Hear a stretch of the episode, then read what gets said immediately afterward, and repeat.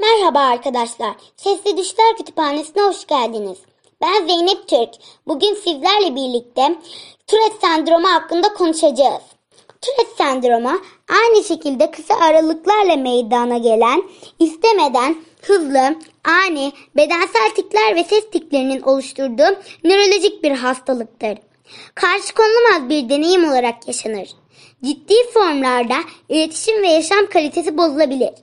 Sık görülen tikler arasında kafa sallama, kaş göz oynatma, göz kırpma, hayvan sesleri çıkartma, boyun çevirme, diş gıcırdatma, yüz buruşturma ve benzeri hareketlerdir. Hastalığın belirtileri 5-6 yaşlarında ortaya çıkar.